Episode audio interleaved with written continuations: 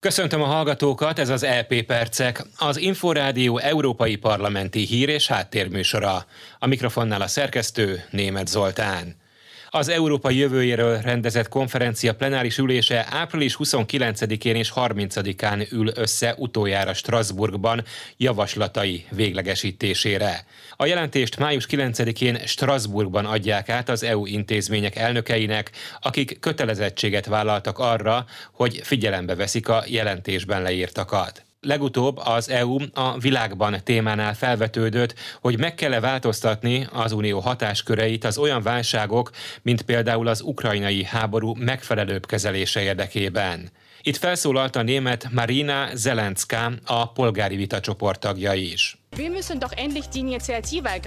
Nekünk kell kezdeményeznünk ezt a háborút, csak tárgyalás útján lehet befejezni. Európának végre gyakorolnia kell a befolyását. G. Verhofstadt a konferencia társelnöke sajtótájékoztatón összegzett. Uh, Szeretnénk ebből állandó rendszert teremteni.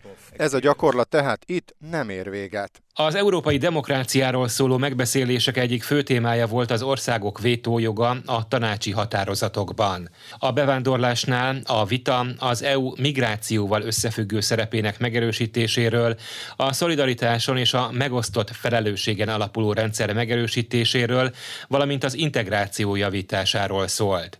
Az egészségügy terén sok résztvevő új uniós kompetenciákat kért, beleértve az egészségügyi szolgáltatások minimum szabályainak meghatározását az Európai Unióban. Az élelmezés biztonságnál szóba került a fogyasztók jobb tájékoztatása a zöldebb mobilitásról, valamint az élelmezési lehetőségekről. Az Európai Parlament által elfogadott új szabályok értelmében könnyebben lehet majd közúti áruszállításhoz másik tagállamban nyilvántartott teherautót vagy kamiont bérelni sofőr nélkül. A fuvarozók és a tehergépjárművek bérlésével és leasingelésével foglalkozó vállalatok ezentúl másik tagállamból is bérelhetnek teherautót, ha átmenetileg vagy szezonálisan megugró kereslettel kell megbirkózniuk, vagy ki kell váltaniuk egy meghibásodott vagy sérült járművet. A korlátozások egy részének feloldásával a környezet is jól jár, mert a bérelhető járművek általában újabbak, biztonságosabbak és kevésbé környezetszennyezőek, mint az átlagos járműpark. A képviselők a tárgyalásokon elérték, hogy a fuvarozó cégek évente legalább két hónapig használhassanak más tagállamban nyilvántartott bérelt teherautókat. A kormányok azonban dönthetnek úgy, hogy 30 napos használat után előírják a nemzeti szabályok szerinti kötelező nyilvántartásba vételt.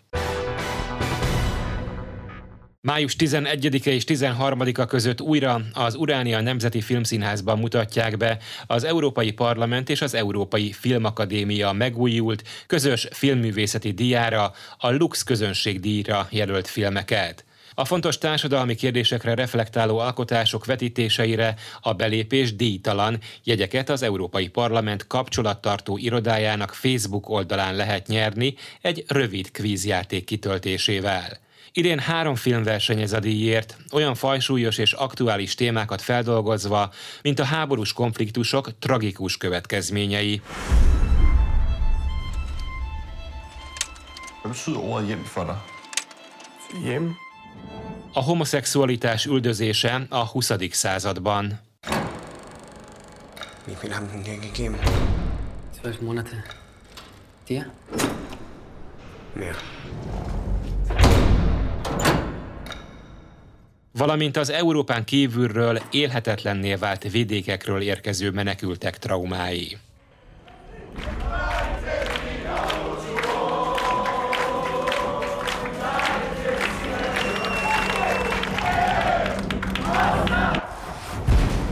A közönség szavazásnak idén különösen fontos szerepe van a díj odaítélésében, ezért a szervezők minden résztvevőt arra bíztatnak, hogy értékeljék a megnézett filmeket a www.luxaward.eu honlapon. A szavazók közül tíz nyertest sorsolnak ki, akik részt vehetnek a június 8-án Strasbourgban megrendezendő ünnepélyes díjátadón.